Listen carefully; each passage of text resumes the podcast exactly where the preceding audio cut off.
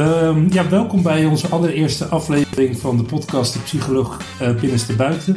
Ik ben Richard van Romunde en dit is Marjolein Vleugel. Uh, wij zijn twee therapeuten en in deze podcast vertellen wij over onszelf. En dat kan gaan over onze rol als therapeut of over andere dingen die wij uh, meemaken in het dagelijks leven. elke week hebben we een thema en voor de eerste keer is dit kennismaken. En ik dacht misschien is het wel leuk om um, te, aan te geven hoe wij hebben kennis gemaakt, Marjolein. Dat is lachen? Ja. Ja.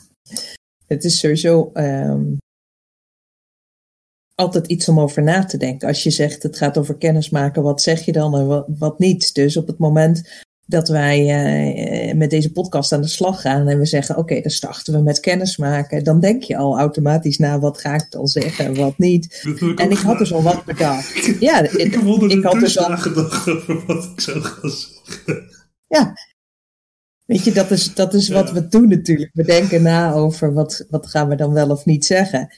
En uh, dan heb ik dus iets bedacht. En dan zitten we hier. En dan zeg jij: Goh, misschien is het wel leuk om iets te vertellen over hoe wij hebben kennis gemaakt met elkaar. En toen dacht ik, nou, dat is nou net niet. Dus net wat niet... ik had bedacht. dus ik wil dat best doen, want ik ben zo flexibel. Nee, maar ik vind het uh, ook leuk om te weten. Nou, maar nou ben ik ook nieuwsgierig wat jij hebt bedacht. Wat heb uh, Nou ja, de... ja, wat heb jij bedacht? Ik, ik zat net te bedenken, oké, dan is het natuurlijk leuk om te weten wat ik dan precies doe. Uh, ja, dingetjes ook over wie, wie ik dan ben. Wie is Marjolein oh, Vleugel dan? Wie, wie, wie is Marjolein uh, Vleugel? Ja, oh, wil je nou gelijk het antwoord ja, nee, geven? Je stelt wel heel veel vragen in één keer. Nou ben ik ook benieuwd naar wie Marjolein Vleugel is. Ik ga het je allemaal vertellen. Ik ben zo benieuwd. En terwijl ik dat zat te bedenken, kwam er ook direct de gedachte van, oh ja, maar we moeten het wel een beetje interactief houden. Dus ik moet niet heel een cv uitrollen, want daar is natuurlijk geen bal aan om daarna te luisteren. En ik moet natuurlijk dan wel.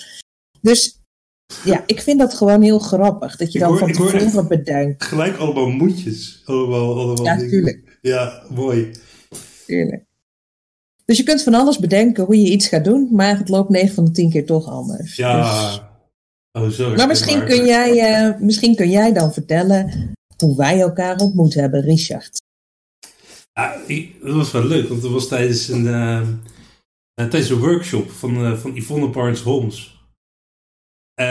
Ik weet nog, ik, ik heb twee manieren over, over hoe ik ben met nieuwe mensen.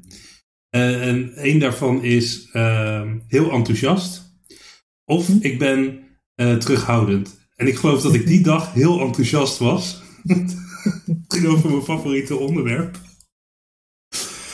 Dus, dus jij hebt mij leren kennen in mijn enthousiaste ik. Ja. Um, wat weet ik er nog meer van? Dat, dat is wat ik ervan weet. Ik weet dat, ik weet dat ik heel enthousiast was. En weet je nog wat je um, dus dat is een beetje de context waarin wij elkaar hebben leren kennen. Maar als we het dan specifiek hebben over jou en mij zo samen, weet je dan nog uh, hoe wij dan in, in gesprek zijn geraakt? Of hoe wij elkaar dus werkelijk hebben leren kennen op dat moment? Nee, nee. weet jij dat nog? Ja. ja. Jij bent echt zo iemand die dat onthoudt dan. Ik, ik, bij mij... Ja. Ik, ja. Nee, ik weet alleen nog een gesprek wat we hebben gehad tijdens, tijdens de algemene ledenvergadering. Dat is misschien weer later. Ja, maar als we kijken naar die. Nee, ik weet wel dat dit onze eerste uh, ontmoeting is geweest, omdat we die al een paar keer hebben herhaald dat dat de eerste ontmoeting was. En ik weet dat jij heel veel vragen stelde uh, waar ik geen bal van snapte, van de vraag niet en van het antwoord niet. En ik vond het ook heel fijn dat uh, Yvonne Barnes Holmes op een gegeven moment ook zei: Richard, hou even je mond. Ja. Dat ik dacht, ja, dat is wel fijn. En tegelijkertijd dacht ik, omdat ik die materie die zij daar vertelde over de relational frame theory ook zo interessant vond, dacht ik, goh, ik ken die gast helemaal niet. Ik weet helemaal niet wie het is. Ik heb hem nog nooit gezien, terwijl ik dus al wel jaren al bezig ben met ACT, met Acceptance and Commitment Therapy, toen de tijd in het bestuur zat, van ACT, maar jou niet kende. Even, even, voor de luisteraars, de Relation of Fame Theory wordt, uh, er wordt van gezegd dat het de theoretische basis is van ACT. Dat is het enige wat je voor nu even hoeft te weten, maar dan weet je dat die twee dingen aan elkaar gekoppeld zijn. Ja, en ik werk dus al jaren als therapeut en ook al jaren vanuit de acceptance and commitment therapy, maar ik kende jou niet. En het was wel heel duidelijk dat jij heel veel hiervan af wist. Dus ik was gewoon vooral nieuwsgierig. Ik dacht, hoe kan het dat ik deze gast, ik vond je een gast. Ja. Dat is ook wel leuk, hè, wat je daar dan mee uh, een kerel. niet ken. Ja, en ik ben dan zo iemand uh, die dan nieuwsgierig is en oh uh, gaat praten met die gast. dus uh, ik ben gewoon naar jou toegelopen. En ik heb me voorgesteld. Ik, volgens mij heb ik gezegd, joh, volgens mij ken ik jou nog niet. Ik ben Marjolein Vleugel, ja. wie ben jij? En waarom weet jij hier zoveel vanaf? En waarom ken ik jou dan nog niet? Uh, toen ging ik waarschijnlijk in mijn enthousiaste modus. En ja, zo is het uh, kortje gaan rollen. Ja. Ja. En, um, zo is het balletje gaan rollen. Ja, het balletje, ga, ja, ja, het kortje ja. gevallen. Er zijn in ieder geval wel wat kwartjes gevallen in de tussentijd. Zeker. Inmiddels begrijp ik je beter. En inmiddels kan ik makkelijker zeggen: Oké, okay, Richard, hier snap ik niets van. En heb je me heel veel kunnen vertellen over uh, die theorie. Ja. En, en, en, heb ik je vooral leren kennen als iemand met wie ik heel veel plezier kan hebben. Uh, ja, zeker. Want dat is eigenlijk ook waarom we deze podcast doen. Omdat we heel veel plezier hebben uh, om met elkaar te praten. Want wij, wij, wij bellen elkaar nog wel eens geregeld. We zijn ook goede vrienden van elkaar. Tenminste, dat denk ik dan. Dat is ook wat om dat dan te hardop te ja, zeggen. Ja, dat is raar, hè? Dan denk je, ja, maar kan dat? Dus elke keer, ik, denk, ik voel me ja. toch wel veilig genoeg om dat te zeggen, maar ergens in mijn achterhoofd zeggen, ja, maar je weet niet hoe het voor de ander is. Het is gelijk, bam. Alsof je ooit een keer een moment bij deze dan, Ries, wij zijn goede vrienden. Thanks alsof er ergens een moment is dat je dat een keer moet hebben uitgesproken naar elkaar. Ja, ja nou deze dan. Ja. Dus iedereen dan, uh, nou, het staat gelijk vast. Ja. Ja. nou is het waar. Nou is het waar. Mooi. ja. We hebben consent. Maar, maar goed, uh, ik heb al wat verteld over mezelf. Zo, zo weten mensen al van oké, okay, jij bent dus uh, therapeut, ik ben GZ-psycholoog. Als dat voor sommige mensen van belang is, maar al jaren werkende vanuit acceptance en commitment therapy. Maar wie ben jij dan? Ja, ja goede vraag. Want ik, um, ik ben uh, ja, Richard. Ik heb psychologie gestudeerd. En ik vind altijd heel leuk hoe dingen in elkaar zitten, om dat te weten. Dat is ook weer een, van de redenen waarom ik toen in die workshop zat. Um, en ik ben na mijn opleiding ben ik hypnotherapeut gaan. Ben ik hypnotherapeut geworden. Uh, omdat ik graag um, dingen wilde doen zoals ik ze wilde doen. En ik ben niet iemand die gemakkelijk um, kan werken in een, in een vastgezet protocol of in een vastgezette stramine. Ik moet heel erg mijn eigen ding kunnen doen. Dus... En begrijp ik, Ries, dat uh, jij in ieder geval het, de indruk had dat binnen de psychologie dat wel vooral was. Dat je vooral werd opgeleid om binnen vaste protocollen te werken. Nou, Is dat wat je zegt? Dat je daarom voor hypnotherapie koos? koos? Kijk, ik, ik had het gevoel dat, dat de DSM, die sloot niet bij mij aan. Ik, ik vond het heel moeilijk om de DSM gevoelsmatig te begrijpen. Mm -hmm. je, waarom uh, doe ik. Waarom is bij cliënt A deze diagnose? En, en als die diagnose er is, waarom doe je dan die therapie? Hoe sluit dat op elkaar aan? Mm -hmm. En ja, voor mij waren dat geen bevredigende antwoorden. Of het, het, ja, het, het klopte niet voor mij. Ik, kan niet, ik, wil niet zeggen dat dat voor niemand klopt. Of, of, of dat dat Mhm. niet klopt in het algemeen. Maar voor mij klopte dat niet. En ik vond het moeilijk om daarin te werken. Oké, en dat bedoel jij met een vast. De DSM is uh, ja, in de hedendaagse psychologie toch echt wel leidend. Ja, hè? Voor ja. zorgverzekeraars moeten we klassificeren. En dat is wat niet werkte voor jou in dat Ja. werkveld. En, en om, om daar. Dan een, om aan die, aan die eh, labels eh, Mhm. therapieën te koppelen, automatisch. Ik, ik snapte gewoon niet op een logische manier, voor mij logische manier, hoe dat, hoe dat klopte. Mhm. Hoe, hoe, die, hoe die verbanden zaten. En ik kon dat niet goed. eh, ja, ik, ik, daarom kon ik er niet goed mee werken. Ik moet, ik moet dingen begrijpen voordat ik ze kan doen. En vond je dat in de hypnotherapie wel?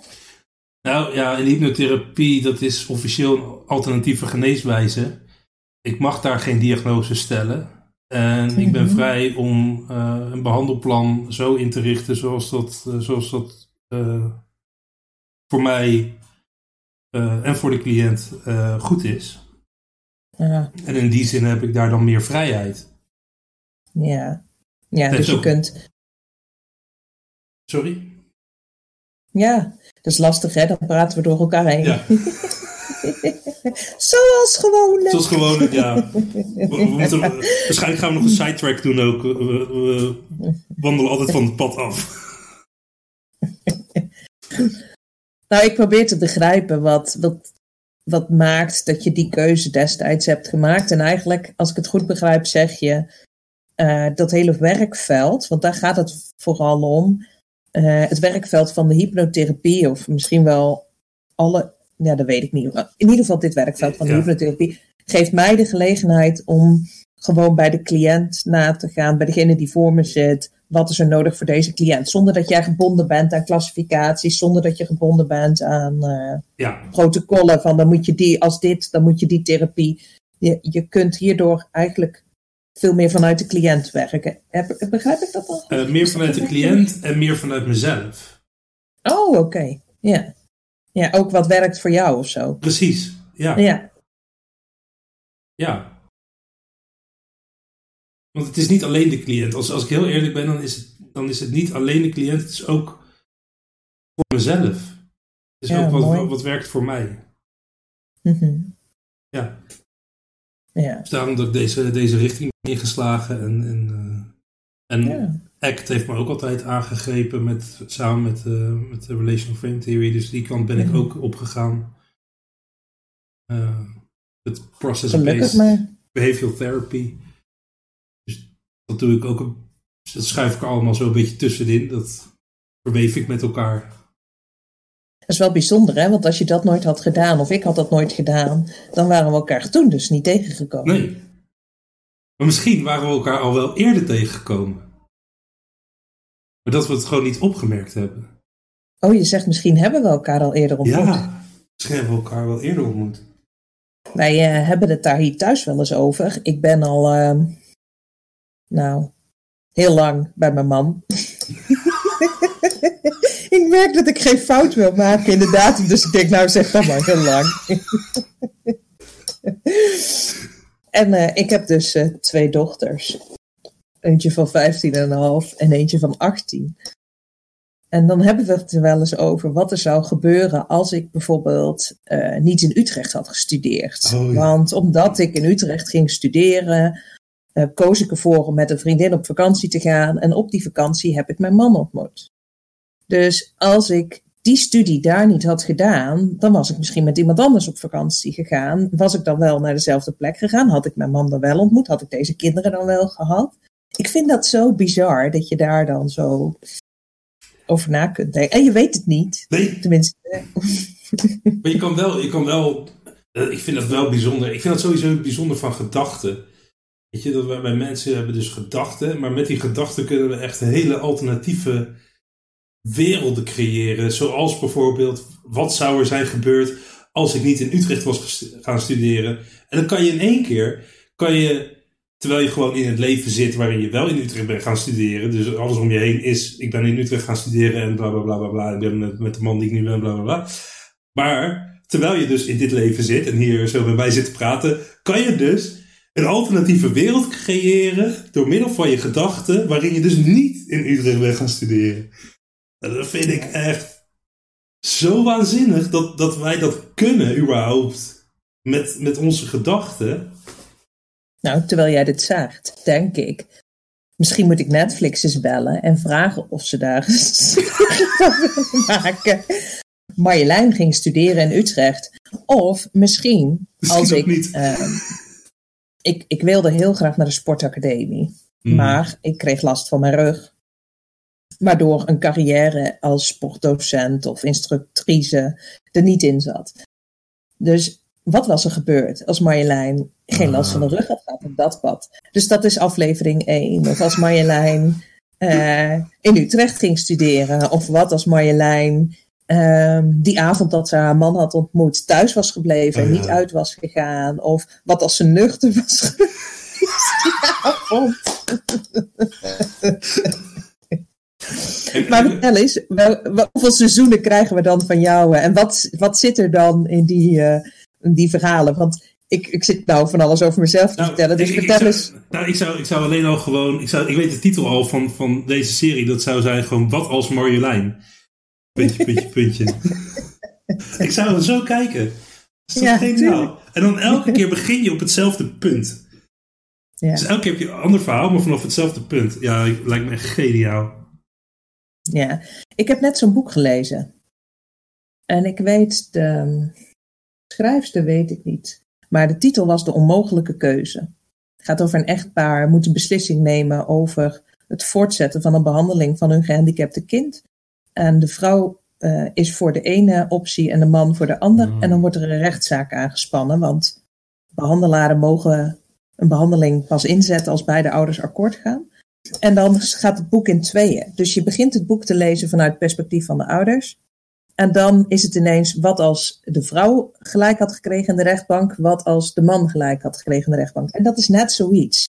Dat is net als wat wij, wat wij nu doen eigenlijk. Van wat als, hoe had mijn leven er dan uitgezien? Want ik weet alleen maar hoe mijn leven er nu uitziet. En dat dit en dit, dit is gebeurd. Ja. Ik kan net wat jij zegt, ik kan in mijn gedachten bedenken hoe het anders had kunnen uitzien. Maar ik weet nooit zeker of dat zo was. Nou, waarschijnlijk, wat je nu bedenkt in je gedachten, hoe het er anders had kunnen uitzien, als je die andere keuze had gemaakt, dan. Nou, terwijl ik dit zo hardop aan het zeggen ben, denk ik, maar zou je die andere keuze dan wel hebben gemaakt? Maar dit is toch precies hetzelfde? We denken over en we weten het niet. Ja, Maar nog een keer, Ries, want ik, ik ben echt aan het lullen. Vertel eens, heb jij iemand in je leven? ja, ja. want ja. daar weet ik niks van. Nee, natuurlijk niet. We, we bellen elke week, maar niks van. Oh boy. Ehm, nee, ik, eh, ik heb een schat van een vrouw in mijn leven. Ehm, en dat bedoel ik niet jij mee, Marjolein. Eh, dat, is, eh, dat is mijn vriendin. En we hebben samen een, een zoontje van, eh, van nu van een jaar. En Well, als je het over kennismaken hebt, oh man, dat ehm, kennismaken met mijn zoon, dat was wel. Ja, ik krijg daar nog steeds ehm kippenvel van. Mhm. Dat- ja, dat is zo bijzonder. Ja, ik word helemaal stil van. Eh, ja. Ja, dat vond ik echt super cool. En ook en kennis maken met, eh met Tiets. Zij Titia, dus ik zeg Tiets. Dan, dan weet je niet, eh, dan weet je dat ik het over, over haar heb. Ik makkelijker, ja, ik, ik kan de hele podcast wel zeggen mijn vriendin, maar dat vind ik zo eh, vervelend. Ja. Ehm en dat was ook grappig. Eh, we elkaar ontmoet eh, eh, via Tinder. Want ik weet nog, ehm, dat was wel lachen. Want ik, ik was op een gegeven moment was ik aan het. ehm, ik, ik was dus aan het tinderen, want anders hadden we elkaar daar niet ontmoet. Ja. Ehm, maar voorheen had ik een soort van strategie, wat, wat ik denk wat, wat veel mannen hebben, gewoon swipen. Swipe, swipe, swipe, swipe. Of als je een beetje wil categoriseren, dan, dan categoriseer je vaak toch aan de hand van uiterlijke kenmerk of ui- uiterlijke schoonheid. Oké. Ik heb dus geen idee hoe dat werkt, want ik ben dus al honderd jaar bij mijn man. Dus ik ben blij dat je dit even uitlegt. Voor het geval dat. er zijn foto's en die, en die, die, die Ja, ja, ja. Ja, joh. Ja, ja, ja. weet ik veel. Vertel verder. dus nu weet ik wat Tinder is. Ehm, maar ja. Dus, en, en ik merkte dat, dat op een of andere manier, op, als ik op deze manier van zoeken, ehm, selecteerde, hè, dus ik zei, ja, dan kreeg ik meestal oppervlakkige gesprekken, ook via de chat, of, of, of geen reactie terug. Of, maar ik, ik had niet het gevoel van, oh, ik wil, ik wil hier iets mee, of ik, ja. Mm Het werkt in ieder geval niet. Nee, er zit geen flow in, weet je. Er moet, moet toch altijd een beetje een flow in zitten. Ja. En op een gegeven moment dacht ik, nou weet je, ik ga het gewoon eens anders doen. Wat vind ik nou leuk aan een vrouw? Dat ik bedenken. En, en ik vind het leuk als ze, als ze hele sprekende ogen hebben. Zo'n twinkeling in de ogen. En een oprechte glimlach. Maar dat is nog steeds uiterlijk, toch? Dat is nog steeds uiterlijk, maar het vertelt, naar mijn beleving, vertelt het iets meer over het innerlijk. Maar het is jouw interpretatie van het uiterlijk, toch? Ja, ja Oké. Ja. Nee, oké. Ja. Um, want ik dacht, ja, ik, ik, wil gewoon, ik wil gewoon gezellig. Ik wil gewoon gezellig, een gezellige tijd hebben. Gewoon, met, mhm. wie dat dan ook is, gewoon gezellig. Dus als hij gezelligheid uitstralen, en dat was voor mij dan een, een twinkeling in de ogen en een oprechte glimlach. En toen ik daarop ging selecteren, kreeg ik hele andere matches. En dat waren ook leukere gesprekken. Er zat er ook meer flow in. Ja, grappig hè? Ja. En daar, daar is zij dus ook uitgekomen. Ja, geweldig. Ja. Dus dat vond ik echt, uh, ja, dat was echt een openbaring voor me. Dat ik dacht, oh, oh wacht, zo kan ik, het ook, zo kan ik Tinder ook gebruiken. En dat, is ook wel grappig, want er waren ook dus um, matches die veel dichter bij mij lagen. Mm Omdat ik die keuze zo had gemaakt. Ja, ja en wat ik hoor uh, is dat je zegt, ik ging eigenlijk nadenken, wat vind ik nou echt belangrijk? Wat vind ik nou echt belangrijk uh, in zo'n relatie? In een relatie met iemand waarmee ik in, iets intiems wil ervaren. Ja. Ja, want ik kan me voorstellen dat je niet met iedereen, uh, ik geloof niet dat je daarop hebt geselecteerd om contact met mij uh, te zoeken, terwijl ik altijd een twinkeling in mijn ogen heb. Je hebt altijd een twinkeling in je ogen.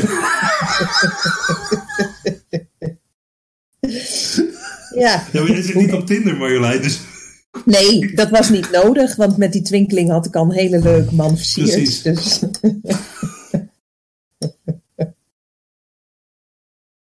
Oké, terug naar kennismaking. Ah, ik vond dat ik het eigenlijk wel redelijk goed deed met, met gewoon elke keer toch weer het onderwerp aan, uh, aan Ja, we doen het heel goed. We doen het heel goed. Nou, volgens mij hebben we al heel veel verteld, toch? Over, een beetje over ons privé en uh, over ons, uh, ons werk. En dat is ook waar het, um, waar, waar het over gaat. Weet je, nu ging het over kennismaking. En volgens mij kunnen we daar nog een hele podcast over maken. Ja, over hoe maak je kennis en kennismaking. ik vind het elke keer toch ergens spannend is, is te groot woord. Maar ik heb een ander gevoel wanneer ik een cliënt voor de eerste keer ziet, dan wanneer een cliënt gewoon weer terugkomt. Het is toch iets nieuws. Wie ga ik zien? Wat ga ik vertellen? Wat, wat gaat die ander delen? En met opleiding is het precies zo. Dus het is, voor mij is het in ieder geval wel altijd als er iets nieuws aan zit in een kennismaking. Kijk, jou ken ik ook al heel lang, maar ja. daarvan, ik kan het me niet meer herinneren, maar ik kan me voorstellen dat toen ik besloot om naar die tafel te gaan waar jij stond, met andere mensen volgens mij, dat ik toen ook wel iets van spanning heb ervaren. Het is altijd wel een beetje spannend als je kennis maakt met iets nieuws of iemand nieuws met iemands nieuws contact maken, dat vind ik, al, ik vind het altijd wel een beetje spannend inderdaad. Ja. Uh, ik, ik merk zelf dat ik dan ook wel geneigd ben om een beetje alert te zijn op afwijzing of zo. Mm Zoiets. Het, zit er, er, zit iets spannends in van spannend leuk. Zo, oeh, mm iets nieuws. En uh, iemand helemaal nieuw leren kennen. En um, iets van. Wat voor verwachtingen heeft die ander dan over mij? Weet je, dat, dat is dan ook nog niet duidelijk. Ja, dat is sowieso niet duidelijk, want misschien hebben ze helemaal geen verwachtingen over wat dan ook. Maar nou, in, in een therapiekamer vind ik dat wel vaak, weet je. Dus mensen, cliënten komen vaak met bepaalde verwachtingen. Ja.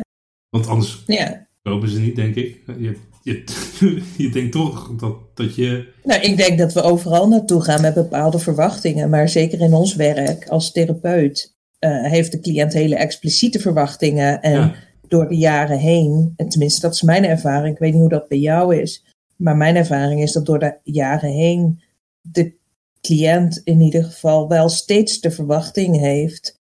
Uh, jij bent degene die het weet. Jij bent, ik, ik, ik weet het niet meer, maar jij weet het. Dat is een soort van verwachting die knijterscheef is. Want ja, tuurlijk weet ik van alles, maar die cliënt weet ook van alles. Ja. Maar het is nog niet gezegd dat ik weet. Wat de oplossing uh, is. Ja, of, of er überhaupt een oplossing is, of, of wat werkt voor deze cliënt. En nou, ik zou het heel fijn vinden als we daar um, echt apart nog een uh, ja. onderwerp van gesprek van maken. Omdat dat, omdat dat niet alleen iets is, zo'n verwachting en zo'n eerste kennismaking, zo'n eerste ontmoeting tussen jou en de cliënt. Maar het is een heel systeem wat allerlei verwachtingen creëert. Ja. Dus het is niet een af... wat, je, wat je zegt is eigenlijk, het is niet, het is niet een afzonderlijke gebeurtenis, zo'n zo'n eerste ontmoeting tussen een therapeut en een cliënt. Het, het is eerste ontmoeting binnen, binnen onze cultuur, binnen, binnen en, en onze cultuur genereert bepaalde verwachtingen. Uh, ja, als die cliënt binnenkomt, heeft hij al hele verhalen gemaakt over hoe het eruit zou kunnen gaan zien met deze therapeut. Net zoals ik als therapeut hele verhalen heb gemaakt. Wat ook niet losstaat van, van, van al mijn andere ervaringen. Dus alles, alles zit met elkaar. Is, alles is met elkaar verbonden. Maar we hebben ideeën, we hebben redelijk overeenkomstige ideeën van als ik naar een psycholoog ga of als ik naar een hypnotherapeut ga, want ik denk niet dat het daar wezenlijk anders is dan leg ik mijn probleem op tafel en de psycholoog weet dan wat te doen. Ja. Nou, dus in de eerste kennismaking vegen we dat van tafel. nou, ik, nou, van tafel vegen is misschien een beetje sterk woord. Alleen het. Ja. het uh, ik merk wel dat ik steeds meer bezig ben met, met deze vraag: van ja, wat, wat verwacht de ander? En om dat, om dat wat beter uit te zoeken aan het begin. Omdat ik dan ook weet of ik aan, aan die verwachtingen kan voldoen. Omdat als dat op een later moment blijkt dat dat niet klopt, dan, dan, dan is het, vind ik het meer wringend of zo in, in de relatie. Dus dan ben ik liever wat voor als dat kan. Ja, dus wat je zegt is, ehm, op het moment dat ik kennis maak met iemand in, de in onze professionele relatie als therapeut naar cliënt, dan is het fijn als het duidelijk is wat de verwachtingen zijn in die relatie. Ja. En eigenlijk vind ik dat heel fijn in alle relaties. Maar ja, zo werkt het niet, hè? je kunt niet, uh, soms heb je relaties nog steeds met mensen waarvan je denkt, goh, waar, waarom, heb ik, uh, waarom zit ik nog in deze relatie? En, uh, en, en soms, ik, ik weet dat ik heel lang bijvoorbeeld op zoek ben geweest, laat ik maar even duidelijk maken wat ik allemaal denk in mijn hoofd. Van, goh, is er iemand... Duidelijk. Of was het al duidelijk? Nee, helemaal nee. niet. Nee, dat ik op zoek ben geweest naar, is er iemand in de wereld waar ik 100% op elk gebied, op elk vlak ah. mee connect. En moest dat dan ook je partner zijn? Ja, ik, dat zeggen veel mensen, maar dat is niet zo. Ik, ik connect niet in alles met mijn man. Ik ook niet met mijn met, met Tiets. Dat kan ik niet. Nee, maar dat is dus wel het idee wat ik had over. Net zoals cliënten bij ons binnenkomen met het idee. Dat bedoel ik met verwachtingen. Hmm met het idee, oh, ik ga nu kennis maken met jou en dan doe jij dit en dan doe jij dat in die relatie, had ik, ehm, zeker in het begin van onze relatie, way back, had ik al gezegd dat wij heel lang al een relatie hadden. Nee, Marjolein, had je nog niet gezegd. Nou, dat dat even duidelijk is. Maar dat ik dat echt wel had, dat ik daar dus ook door ging twijfelen. Van, goh, hoort dat niet zo te zijn? En is dat dan wel oké? Ik vind het wel grappig dat je dat zegt, want heb, uh, ik heb datzelfde gehad in verschillende relaties. En ik ben, elke keer ben ik gaan merken van, ja maar sommige dingen, die kan ik gewoon niet bij deze persoon kwijt. Of die uh, bepaalde behoeftes kan ik niet bij deze persoon kwijt. En dat is ook bij, bij Tiets is dat ook zo. Ik, Weet je, zij is uh, wat pragmatischer en, en iets minder emotioneel dan ik. Wat op zich in ons dagelijks leven best wel fijn is. Alleen als ik behoefte heb aan, aan wat, wat meer uh, emotionele diepgang bij mezelf, dan vind ik het heel prettig om jou te bellen. Of uh, ik heb nog een vriendin waar ik kan bellen. Dat zijn meestal vrouwen. Um, Dus ik, ik heb redelijk wat vrouwelijke vriendinnen om me heen, waarin ik ja, die, die in die dingen kunnen voorzien, weet je, waar, waarin ik dat kwijt kan. En daar hoef ik, daar hoef ik geen um, uh, ja, hoe zeg je dat, uh, romantische relatie mee te hebben. Mm Maar het, is, het zijn wel mensen in mijn omgeving waar ik het prettig vind om dit soort dingen mee te delen en waar ik ook waardevolle dingen van terugkrijg. Ja.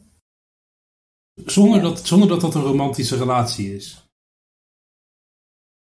Ja, en soms is dat dus direct duidelijk, of wordt het vrij snel duidelijk naar de kennismaking, hè, hoe zo'n relatie wordt gedefinieerd. En ik denk dat als we kijken naar de relaties die wij aangaan met onze cliënten, um, dat ik in ieder geval wel steeds helderder, en ik hoor, je, ik het zeggen dat jij dat ook doet, uh, in het begin al definieert hoe die relatie eruit ziet. En heel simpel gezegd, dat dat een relatie is van, ja, ik ben de psycholoog. Ja, jij bent de cliënt. Ja, jij bent degene die nu vastloopt en daarover met mij gaat praten. En ik zal niet degene zijn die alleen maar praat over waar ik tegenaan loop, maar ook ik ben een mens en ook ik loop vast. Ja. En um, ik ben niet een alwetende. Ik heb geen glazen nee. bol. Ik, zelfs niet met al mijn kennis over de psychologie, over de mens, over gedrag.